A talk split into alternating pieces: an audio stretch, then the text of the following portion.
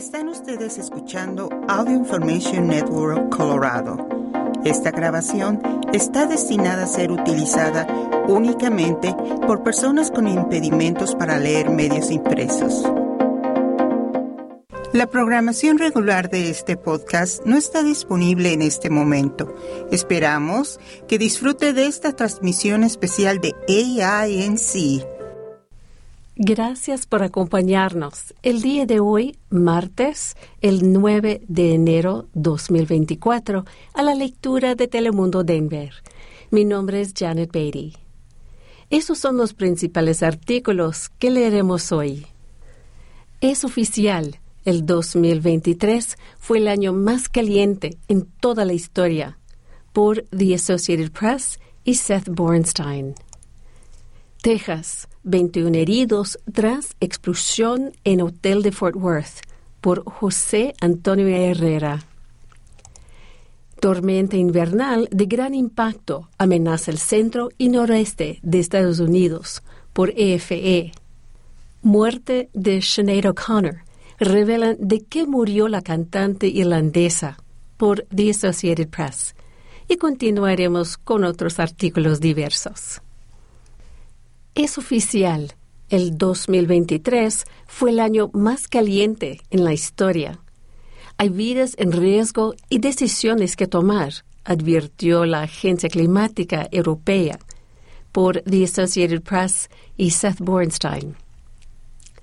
El planeta Tierra batió récords de temperatura, por poco rebase el límite de calentamiento acordado y mostró otras señales de calentamiento en 2023, informó el martes la Agencia Climática Europea.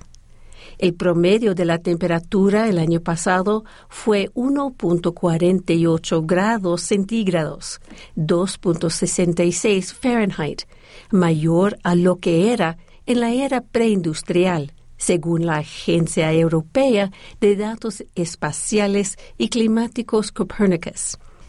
Eso está apenas por debajo de los 1,5 grados centígrados que el mundo se había propuesto bajo el Acuerdo Climático de París en 2015, a fin de evitar los efectos más severos del calentamiento mundial y enero de 2024 está encaminado a ser tan caluroso que por primera vez un periodo de 12 meses superará el límite de 1.5 grados centígrados, afirmó la subdirectora del Copernicus, Samantha Burgess. Los científicos sostienen que el planeta debería tener un calentamiento promedio de 1.5 grados centígrados a lo largo de dos o tres décadas para estar técnicamente en violación del límite. El objetivo de un calentamiento de este tipo tiene que mantenerse porque hay vidas en riesgo y hay decisiones que tendrán que tomarse, declaró Burgess. Y esas decisiones no nos afectarán ni a ti ni a mí, pero sí a nuestros hijos y nietos. El calor récord causó estragos e incluso a veces muertes en Europa, Norteamérica, China y muchos otros lugares el año pasado. Pero los científicos advierten también que el calentamiento atmosférico está causando fenómenos climáticos extremos, como la dilatada sequía en el cuerno de África, los torrenciales aguaceros que destruyeron diques y mataron a miles de personas en Libia, y los incendios forestales en Canadá que contaminaron los aires desde Norteamérica hasta Europa. Por primera vez, los países reunidos en la Conferencia Climática Anual de Naciones Unidas en diciembre acordaron hacer una transición para alejarse de los hidrocarburos que están causando el cambio climático, pero no fijaron requerimientos concretos para ello. Copernicus calcula que la temperatura mundial promedio en 2023 fue aproximadamente un sexto de un grado centígrado o 0.3 grados Fahrenheit, mayor al récord previo fijado en 2016. Si bien ello parece una cantidad ínfima en el contexto de los registros globales, es un margen excepcionalmente grande para un récord, dijo Burgess. La temperatura mundial promedio en 2023 fue de 14.98 grados centígrados o 58.96 grados Fahrenheit, calcula Copernicus. Se batieron los récords por siete meses. Tuvimos los más calurosos junio, julio, agosto, septiembre, perdón, octubre, noviembre, diciembre, dijo Burgess. No fue solo una estación o solo un mes que fue excepcional. Fue excepcional por más de la mitad de año. Hay varios factores que contribuyeron a que 2023 fuera el año más caluroso de la historia, pero de lejos el mayor fueron los gases invernadero que atrapan el calor en la atmósfera, indicó Burgess. Esos gases provienen de la quema de carbón, petróleo y gas natural. Texas, 21 heridos tras explosión en hotel de Fort Worth. Al momento, se sabe que una probable fuga de gas ocasionó el siniestro. Por José Antonio Herrera.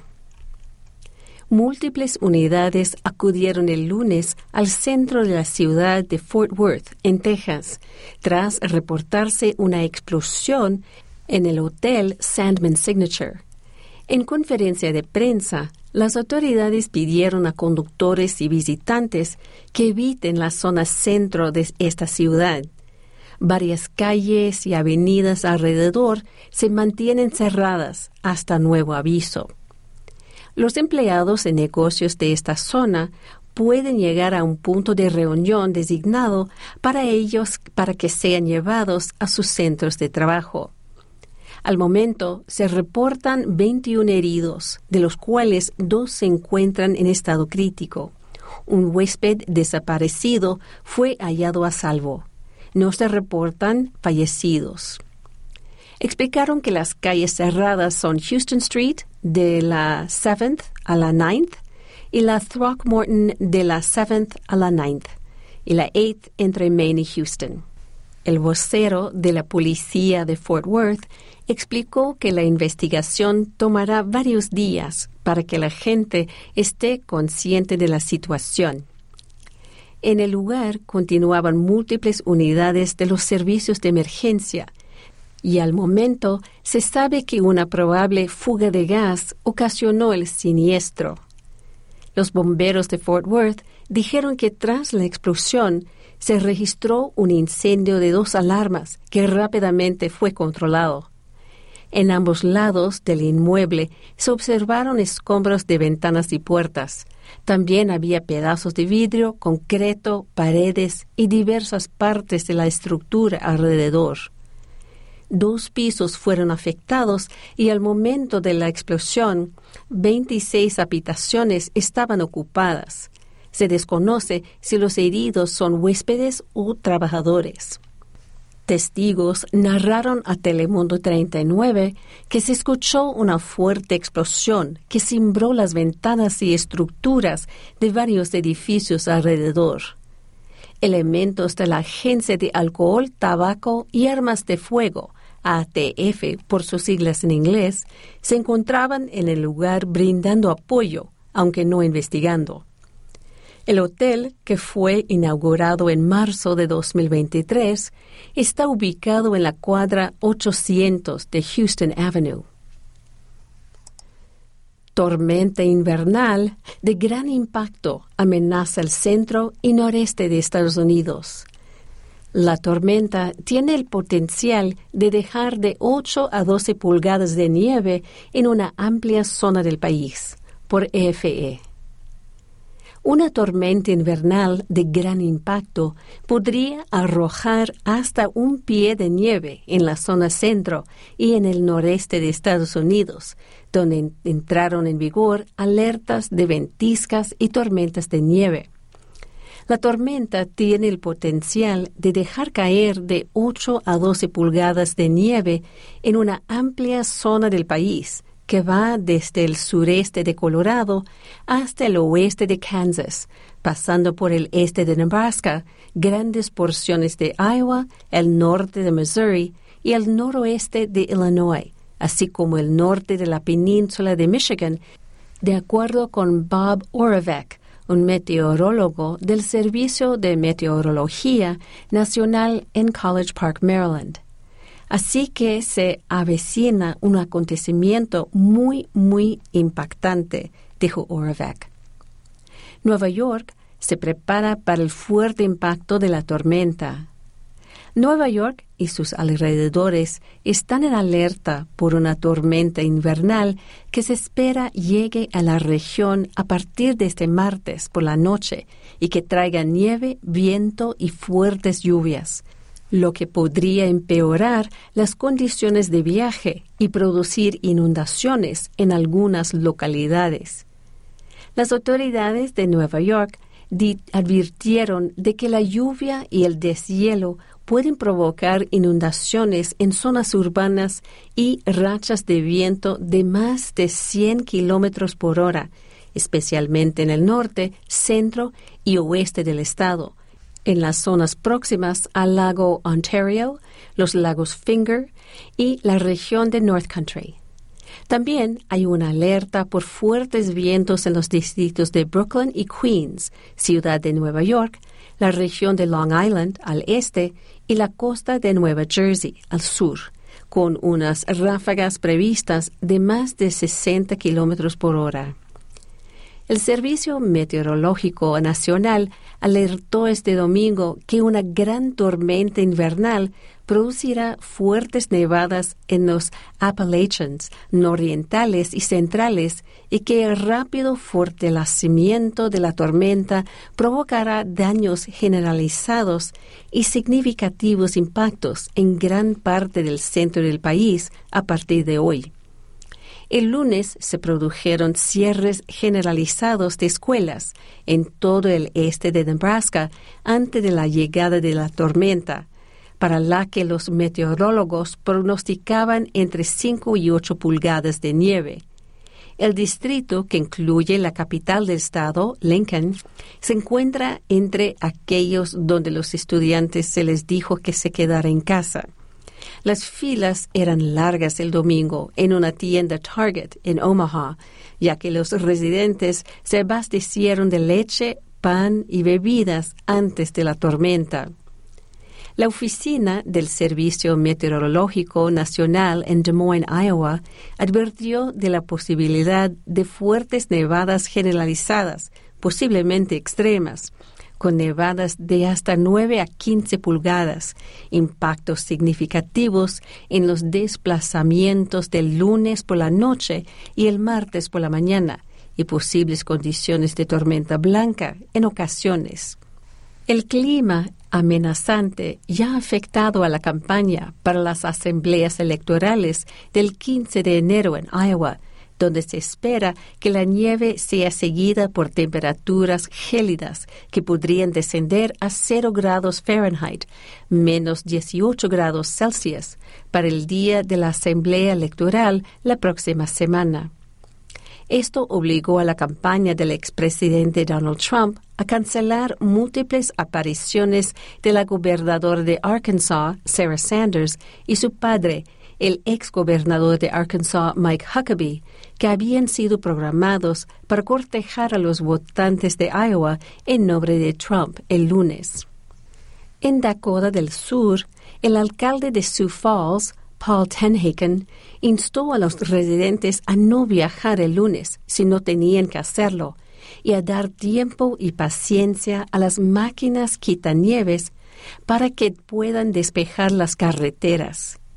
Gran parte del oeste y sur de Minnesota, así como el centro oeste de Wisconsin, también estaban bajo advertencias o avisos de tormenta invernal, con acumulaciones de nieve pronosticadas de hasta 10 pulgadas. En Wisconsin, las cancelaciones ya empezaron el lunes por la mañana y las previsiones llevaron al Consejo de Seguridad Nacional del Estado a suspender una reunión el martes en Madison. El Consejo asesora al gobernador Tony Evers en materia de seguridad. La capital del estado estuvo bajo aviso de tormenta invernal hasta primera hora de la mañana del miércoles, con hasta nueve pulgadas de nieve y vientos de 40 millas por hora. Muerte de Sinead O'Connor revelan de qué murió la cantante irlandesa. La repentina muerte de la famosa artista a los 56 años sacudió a la industria musical. Eso es lo que se sabe de su fallecimiento por The Associated Press. La cantautora irlandesa Sinead O'Connor murió por causas naturales en julio, dijo el martes un forense.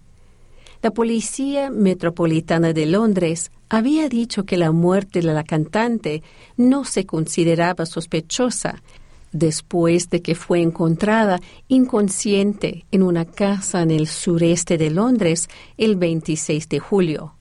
O'Connor tenía 56 años. El Tribunal Forense de Southwark confirmó que O'Connor murió por causas naturales y no proporcionó más detalles.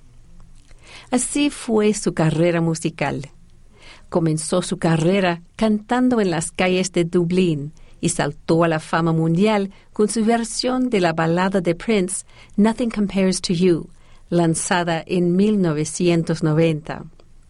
Habló públicamente sobre sus enfermedades mentales y fue hospitalizada después de que su hijo adolescente, Shane, se suicidara en 2022. Miles de sus fans acudieron a las calles de la ciudad irlandesa en la que había vivido para una procesión fúnebre en agosto. También asistió el primer ministro irlandés Leo Varadkar junto con Bono de U2.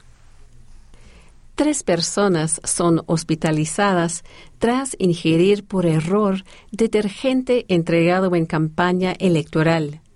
Una de las víctimas dijo que pensó que las cápsulas eran dulces por Associated Press. Taipei, Taiwán.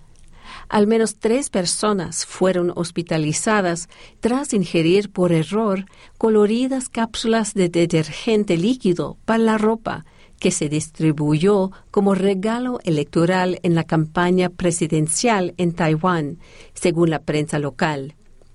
Una de las víctimas dijo que pensó que las cápsulas eran dulces, reportó la Agencia Central de Noticias. Las cápsulas tenían un envase parcialmente transparente con fotos del candidato del Partido Nacionalista, Ho Yui, y su compañero de fórmula. La bolsa llevaba escrito Vote por el número 3 el lugar que ocupan los aspirantes de la formación en la boleta y que con cada cápsula se podía lavar hasta 18 libras de ropa. Una oficina de campaña de los nacionalistas repartió unas 460 mil cápsulas. Hong Jong-chang, director de la oficina en el centro de Taiwán, se disculpó por el incidente, informó la agencia noticiosa. En la próxima tanda de visitas casa por casa, no distribuiremos este tipo de material de campaña, dijo Hong en un video emitido en Set iNews. También recordaremos a nuestros aldeanos a través de nuestras organizaciones de base que son cápsulas para lavar, no caramelos. Entre los hospitalizados había un hombre de 80 años y una mujer de 88 que recibieron el alta tras un lavado de estómago, añadió la agencia. El Partido Nacionalista es conocido también por su nombre en chino, Kuomintang o KMT. Hu se medirá a William Lai del gobernante Partido Democrático Progresista y a Ko Wen-ji del Partido Popular de Taiwán en las elecciones del sábado. La votación se seguirá de cerca tanto en Beijing como en Washington. China reclama que Taiwán forma parte de su territorio, mientras que Estados Unidos vender armas a la isla autogobernada para defenderse de cualquier ataque. Jueces se muestran escépticos a apelación de inmunidad de Trump en caso de interferencia electoral. Los jueces también preguntaron a los abogados si deberían siquiera emitir una decisión sobre su reclamo de inmunidad y en cambio permitir que el caso avance en el tribunal de primera instancia. Por Lawrence Hurley y Daniel Barnes, NBC News. Washington. Los jueces de la Corte Federal de Apelaciones cuestionaron este martes si el expresidente Donald Trump es inmune al procesamiento por sus esfuerzos por anular los resultados de las elecciones de 2020 en una cadena de eventos que culminaron con el ataque de 6 de enero al Capitolio. Trump llegó al Tribunal Federal en Washington, D.C. unos minutos antes de que comenzaran los argumentos orales a las nueve y media a.m. La audiencia duró poco más de una hora. El caso es uno de los cuatro procesos penales que enfrenta Trump mientras lucha en múltiples frentes legales, mientras sigue siendo el presunto favorito para la nominación presidencial republicana con Trump postulándose nuevamente para el cargo, sigue estando en juego si el juicio en Washington, originalmente programado para marzo, puede llevarse a cabo antes de las elecciones. El fiscal especial Jack Smith ha pedido al tribunal que actúe rápidamente en un intento por mantener el juicio según lo previsto. El panel integrado exclusivamente por mujeres de tres jueces de la Corte de Apelaciones de Estados Unidos para el circuito del Distrito de Colombia está escuchando el caso con un cronograma acelerado, por lo que un fallo podría llegar rápidamente, posiblemente a tiempo para permitir que el juicio de Trump comience según lo programado. La jueza Florence Pan inmediatamente acribilló al abogado de Trump con situaciones hipotéticas en las que, según la teoría de Trump, los presidentes no podrían ser procesados. ¿Se podría procesar a un presidente? preguntó, por vender indultos o secretos militares o por ordenar el asesinato de un oponente político? Entiendo que su posición es que un presidente es inmune a un proceso penal por cualquier acto oficial que realice como presidente, incluso si esa acción se realiza con un propósito ilegal o inconstitucional, ¿es correcto? dijo Pan. El abogado de Trump, D. John Sawyer, respondió que tal procesamiento solo puede tener lugar si el presidente es acusado y condenado primero por el Senado. La posición adoptada por los fiscales autorizaría, por ejemplo, la acusación del presidente Biden en el distrito oeste de Texas después de que deje el cargo por presunta malgestión de la frontera, añadió Sauer. La jueza Karen Henderson citó otra parte de la Constitución una disposición que exige que el presidente tenga el deber de garantizar que las leyes se ejecuten fielmente. Creo que es paradójico decir que su deber constitucional de cuidar que las leyes se ejecuten fielmente le permite violar el derecho penal, dijo. La jueza Michelle Childs mencionó el hecho de que el presidente Richard Nixon fue indultado al dejar el cargo como un dato que sugiere que nadie ha asumido nunca que los presidentes son inmunes al procesamiento después de dejar el cargo, hayan sido condenados o no en un proceso de impeachment. Nixon renunció antes de que pudiera ser acusado. El indulto de Nixon indica una suposición de que usted podría ser procesado, dijo Childs. Sauer dejó claro que un presidente puede ser procesado por conducta puramente privada, pero en cambio argumenta que tiene inmunidad según el principio constitucional de separación de poderes, porque sus acciones al cuestionar los resultados electorales e instar al Congreso a bloquear la certificación de la victoria de Biden constituyen actos oficiales mientras se desempeñaba como presidente. Más adelante en el argumento, Henderson expresó su preocupación de que un fallo que diga que el presidente no tiene inmunidad daría lugar a procesamientos de futuros presidentes por motivos políticos. ¿Cómo redactamos una opinión que detenga las compuertas? preguntó. Trump dijo que cree que los argumentos salieron bien. El expresidente dijo en declaraciones desde el Waldorf Astoria que cree que los argumentos de su equipo legal fueron bien este martes en el tribunal. Creo que es muy injusto que un opositor, un opositor político, sea procesado, afirmó. Están perdiendo en todas las encuestas, están perdiendo en casi todos los grupos demográficos, dijo Trump sobre Biden dijo que procesarlo es una amenaza a la democracia y añadió que no hizo nada malo. Trump reiteró sin pruebas que encontraron un tremendo fraude electoral en las elecciones de 2020. Dijo que el equipo de Smith concedió dos puntos este martes que según los estándares normales significarían el final del caso. ¿Qué dijo el Departamento de Justicia? El Departamento de Justicia reconoció anteriormente que la responsabilidad penal sería inevitablemente política, añadió. La investigación de Trump no refleja que vayamos a ver un cambio radical de enjuiciamientos vengativos de ojo por ojo en el futuro, dijo James Pierce, el abogado que defiende a Smith. Nunca antes ha habido acusaciones de que un presidente en ejercicio haya tratado con particulares y utilizando las palancas del poder para subvertir fundamentalmente la República Democrática y el sistema electoral, añadió.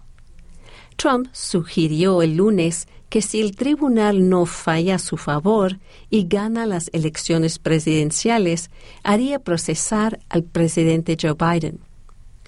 Pase lo que pase, es probable que la parte percedora apele inmediatamente ante la Corte Suprema. Los magistrados entonces enfrentarían la decisión de asumir el caso y emitir su propio fallo, potencialmente también por la vía rápida. La apelación de Trump surge de la acusación de cuatro cargos en Washington, incluidos cargos de conspiración para defraudar a Estados Unidos y conspiración para obstruir un procedimiento oficial. Trump se ha declarado inocente. En diciembre, la jueza del Tribunal de Distrito de Estados Unidos, Tanya Chutkan, negó el intento de Trump de desestimar la acusación por inmunidad presidencial y otros motivos constitucionales. El caso está en suspenso mientras se desarrolla el proceso de apelación. Citan en parte un fallo de la Corte Suprema de 1982 que respaldó la inmunidad presidencial frente a demandas civiles cuando la conducta subyacente se refiere a acciones dentro del perímetro exterior de las responsabilidades oficiales del presidente.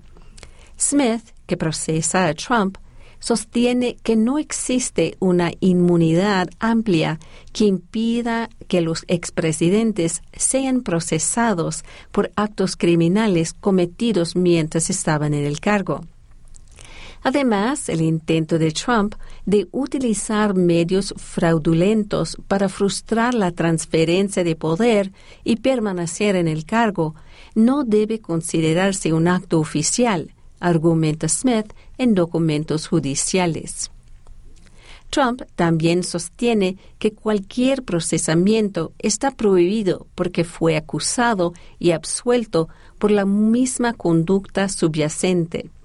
Cita en parte su derecho constitucional a evitar múltiples procesamientos por el mismo delito, un concepto conocido como doble incriminación. Smith respondió en sus propios documentos judiciales que la Constitución establece claramente que un presidente que es destituido con éxito también puede enfrentar un proceso penal. No hay nada en la Constitución que sugiera que un presidente destituido sin éxito no pueda ser acusado, añadió. El panel de la Corte de Apelaciones está compuesto por una persona designada por los republicanos, la jueza Karen Henderson, y dos personas designadas por los demócratas, Pan y la jueza Michelle Childs.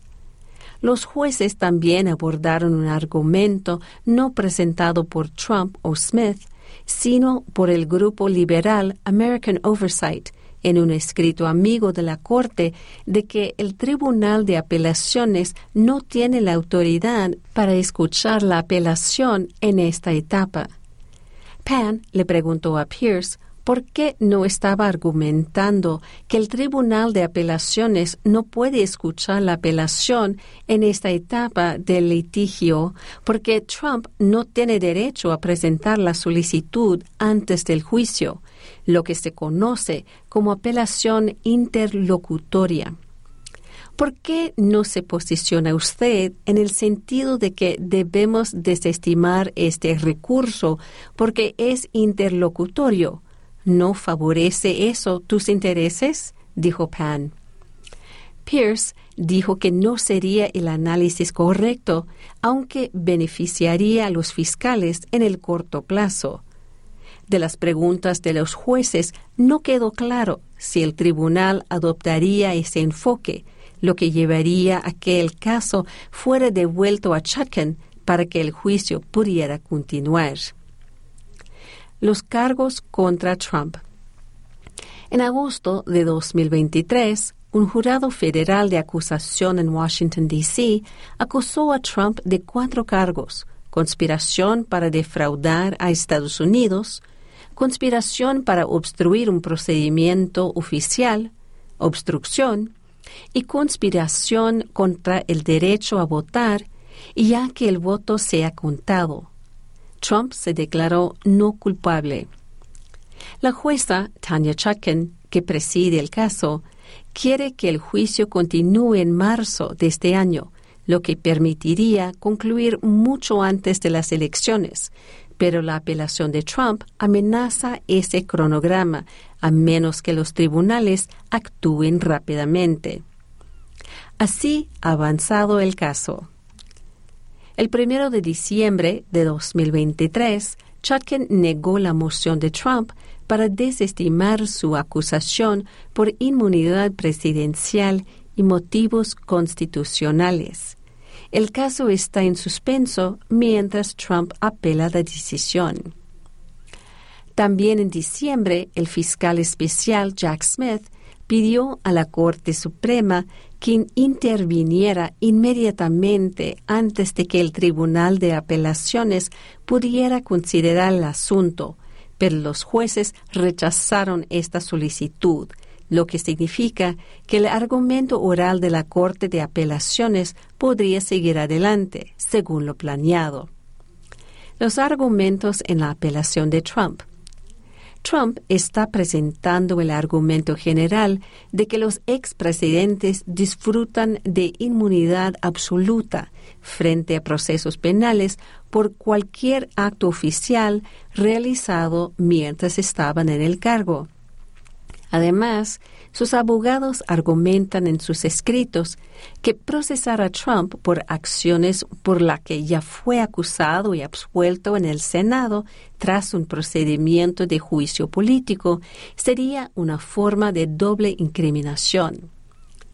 La acusación contra el presidente Trump amenaza con lanzar ciclos de recriminación y procesamiento por motivos políticos que plagarán a nuestra nación durante muchas décadas y probablemente destrozarán los cimientos mismos de nuestra república, escribieron los abogados de Trump en documentos judiciales. Argumentan que el papel de Trump al cuestionar el resultado de las elecciones estuvo dentro del perímetro exterior de sus responsabilidades oficiales como presidente, citando un fallo de la Corte Suprema de 1982 sobre la inmunidad presidencial en un caso civil. La oficina del fiscal especial Smith sostiene que el concepto bien establecido de inmunidad presidencial, de responsabilidad civil por actos oficiales, no se extiende a la inmunidad, de responsabilidad penal. Ningún material histórico respalda al amplio reclamo de inmunidad del acusado, escribió Smith en documentos judiciales. El hecho de que el presidente Richard Nixon haya solicitado recibido un indulto tras dimitir de su cargo como resultado del escándalo Watergate refleja la opinión consensuada de que un expresidente está sujeto a procesamiento después de dejar el cargo, añadió. ¿Qué pasa después de esta audiencia? El tribunal está escuchando el caso en un cronograma acelerado, por lo que un fallo podría llegar rápidamente. Pase lo que pase, es probable que la parte perdedora apele inmediatamente ante la Corte Suprema. Los magistrados entonces enfrentarían la decisión de asumir el caso y emitir su propio fallo, potencialmente también por la vía rápida. Pero la Corte Suprema no está obligada a ocuparse del caso y podría simplemente dejar vigente el fallo del Tribunal de Apelaciones. Si Trump pierde la apelación y la Corte Suprema se niega a escuchar el caso, entonces el juicio aún podría avanzar rápidamente.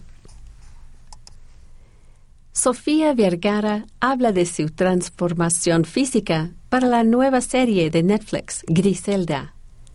Acostumbrada a verme bonita, comentó la colombiana, por EFE.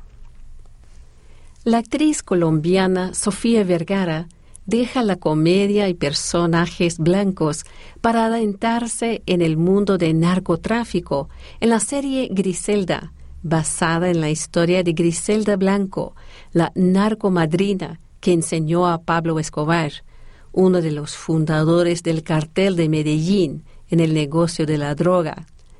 Sofía Vergara presentó este martes en Madrid la serie en una rueda de prensa, donde la modelo y actriz ofreció una imagen física muy alejada de su personaje.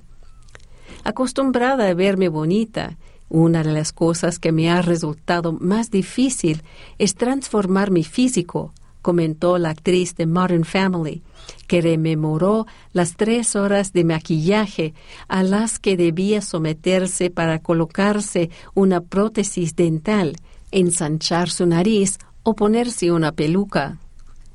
Un cambio de imagen que ella misma asumía porque quería sentirme diferente a mí. Para ello, utilizó ropa interior que reducía su silueta y cambió su forma de andar hasta el punto de sufrir una lesión de espalda. Pero lo que peor llevó fue empezar a fumar a los 50 años.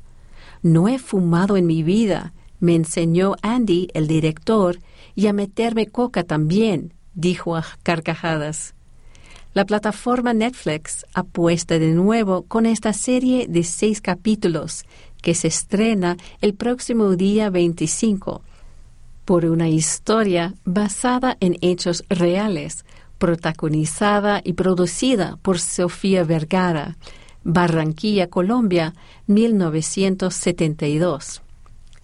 La historia se sitúa en el Miami de finales de los 70 y principios de los 80, cuando Griselda llega de Colombia tras dejar atrás el mundo de las drogas en el que se movía su esposo, pero al que ella acaba sucumbiendo porque no tiene dinero y es lo único que conoce, afirmó Vergara. La actriz recordó que creció en Colombia y conocía los nombres de narcotraficantes, pero no sabía que había una mujer entre ellos. La trajo la historia de esta mujer que crió a cuatro hijos, que al mismo tiempo fue capaz de amar tanto y convertirse en un monstruo. Junto a la actriz se encontraba Noé Eric Newman, uno de los productores de Narcos y de esta nueva serie, y el director colombiano Andrés Baiz, que dirige todos los capítulos de la serie. Sofía sale de su zona de confort y ha demostrado una capacidad interpretiva a la altura de Tom Hanks o Robin Williams, que pasaron de la comedia al drama con éxito, explicó el director. Baís señaló que el estilo y el formato en el que está filmada es muy diferente al de Narcos, un proyecto que era más político. Este es más íntimo, más de personaje, donde se muestran las complejidades y contradicciones de la conocida como madrina de la droga. Definió a Griselda Blanco como una mujer en un mundo de hombres que busca el respeto que nunca ha tenido, con ansia de poder, que empieza a triunfar cuando utiliza las mismas armas que sus enemigos. No he querido glamorizar su vida, pero sí humanizar el personaje, indicó el director, y Vergara incidió en que no quería que el espectador la odie desde el primer momento. Quiero que la gente la entienda. La confianza en el director fue determinante para que Vergara se pusiera al frente del proyecto. No lo hubiera hecho sin Andy. Yo tenía mis inseguridades. Es un personaje atormentado. No estaba acostumbrada a trabajar en español. Pasar de la comedia al drama tiene su complejidad, subrayó. En el reparto, mayoritariamente latino, también están entre otros Alberto Guerra, Cristian Tappen, Martín Rodríguez, Juliana Adien Martínez o Vanessa Ferlito y supone el debut como intérprete de Carolina Giraldo, Carol G. Además, cuenta con Martín Rodríguez, Alberto Amán o Ernesto Alterio. Arrestan en Rusia a ciudadano estadounidense por cargos de tráfico de drogas. De ser hallado culpable, Robert Romanoff Woodland se enfrenta a una condena de hasta 20 años de cárcel por NBC. Un ciudadano estadounidense fue arrestado en Rusia por cargos de posesión y transportes de drogas, dijeron las autoridades el martes. Robert Romanoff Woodland sería detenido durante dos meses como parte de una restricción previa al juicio, informó Tribunal de Distrito de Ostenkino de Moscú. Romanov es el último estadounidense detenido en Rusia en espera de un juicio penal en el país. Se le acusa de adquisición, almacenamiento, transporte, producción y procesamiento ilegal de estupefacientes, sustancias psicotrópicas o sus análogos, según el comunicado oficial. El Código Penal de Rusia establece que cualquier persona declarada culpable de este delito puede ser condenada a entre 8 y 20 años de prisión y enfrentarse a una multa. Otro ciudadano estadounidense, el periodista de Wall Street Journal, Evan Gershkovich, también está detenido y en espera de juicio en Rusia. En noviembre, un tribunal de Moscú prorrogó su detención al menos hasta el 30 de enero. Las autoridades lo acusan de espiar al ejército ruso. Tanto Gershkovich como el periódico lo niegan y sostienen que fue detenido injustamente mientras trabajaba como periodista. Estados Unidos dice que Gershkovich es uno de varios de sus ciudadanos detenidos injustamente en el país, incluido el ex marine estadounidense Paul Whelan. Alsu Kurmasheva, reportero ruso-estadounidense, fue detenido a fines del año pasado y acusado de no registrarse como agente extranjero arrestan a presunto acosador de Shakira frente a su casa en Miami Beach.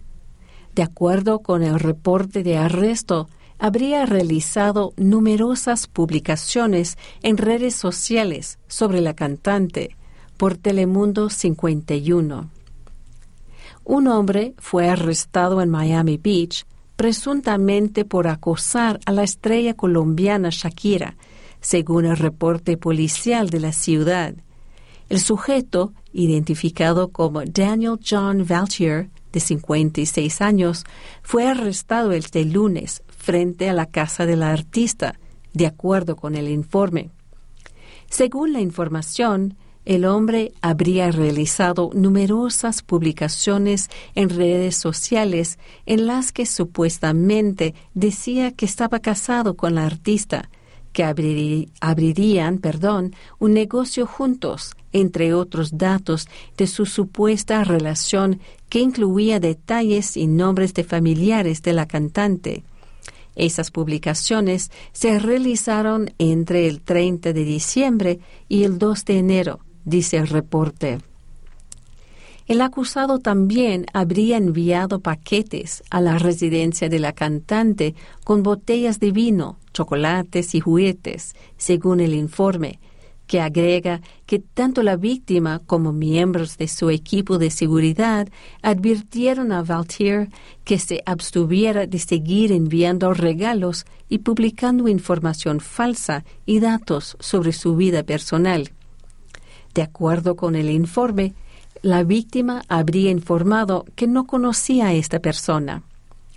El 3 de enero, el acusado, quien vive en El Paso, Texas, publicó una publicación en la que decía que viajaba a Florida a la casa de la celebridad, señala el reporte. Este lunes 8 de enero, Valtier fue arrestado en Miami Beach y llevado para rendir declaraciones pero invocó su derecho a no declarar. Fue acusado por acoso, según el reporte. Francia tiene su primer ministro más joven, de 34 años. ¿Quién es Gabriel Attal? Es la primera persona abiertamente gay que ejerce el cargo, por Associated Press. París. Gabriel Attal se convirtió este martes en el primer ministro más joven de Francia, dentro de los esfuerzos del presidente Emmanuel Macron de buscar un nuevo comienzo para el resto de su mandato ante una creciente presión política de la ultraderecha. La oficina de Macron anunció el nombramiento en un comunicado. Atal, de 34 años, ganó relevancia como portavoz del gobierno y ministro de Educación. Es la primera persona abiertamente gay que ejerce el cargo. Su predecesora, Elizabeth Bourne, renunció el lunes tras una reciente disputa política en torno a una ley de inmigración que refuerza la capacidad del gobierno para deportar a extranjeros. Macron, que fue el presidente más joven de Francia cuando llegó al poder en 2017, tiene previsto trabajar con Atal para nombrar un nuevo gobierno en los próximos días, aunque se espera que algunos ministros importantes permanezcan en el cargo.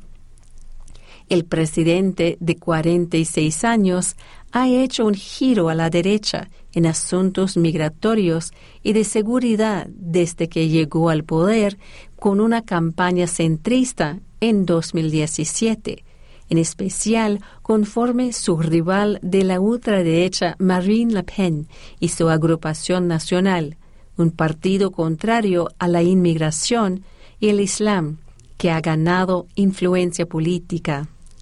Atal ex, miembro perdón, del Partido Socialista, se unió al movimiento político recién creado de Macron en 2016 y fue vocero del gobierno entre 2020 y 2022, un puesto que le hizo conocido para la población francesa. Después fue nombrado ministro de Presupuesto antes de ser nombrado ministro de Educación en julio, uno de los puestos más prestigiosos del gobierno francés.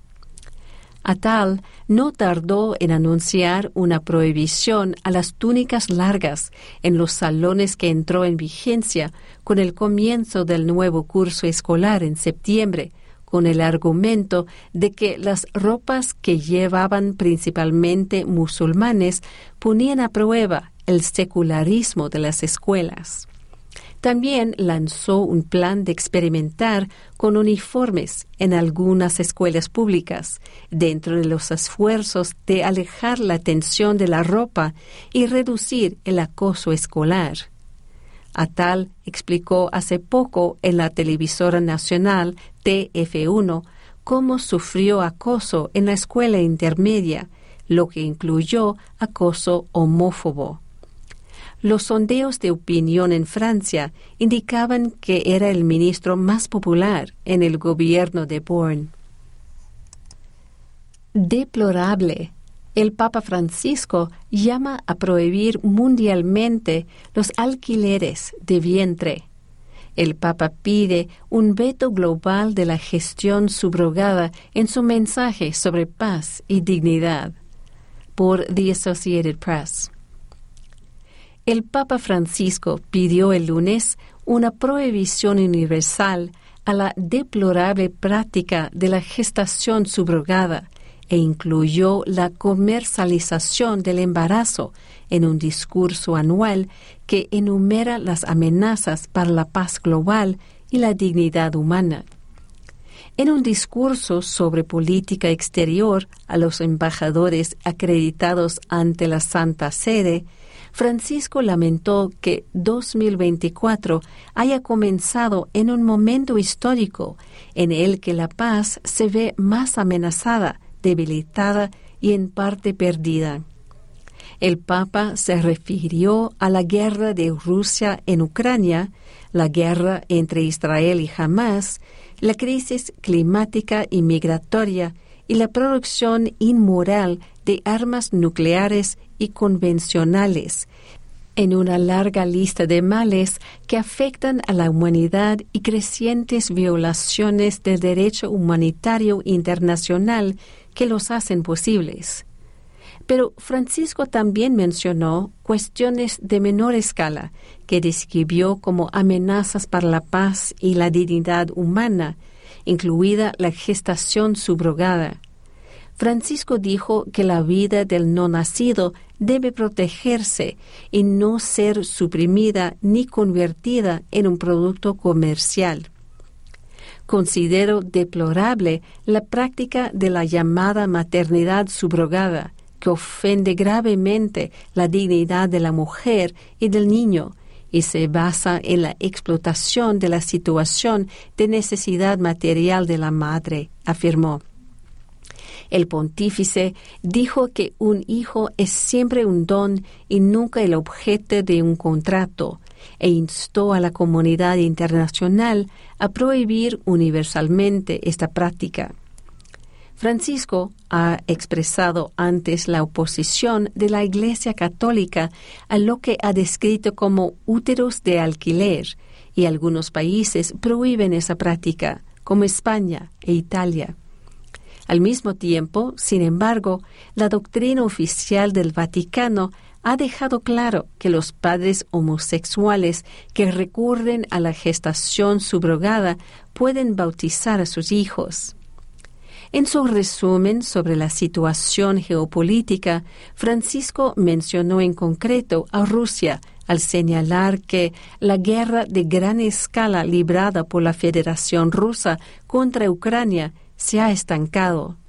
fue una inusual ruptura de la costumbre de Francisco a evitar responsabilizar directamente a Moscú por la invasión cuando expresa su solidaridad con el pueblo ucraniano. Gracias por habernos acompañado en esta emisión de Telemundo Denver. Mi nombre es Janet Beatty.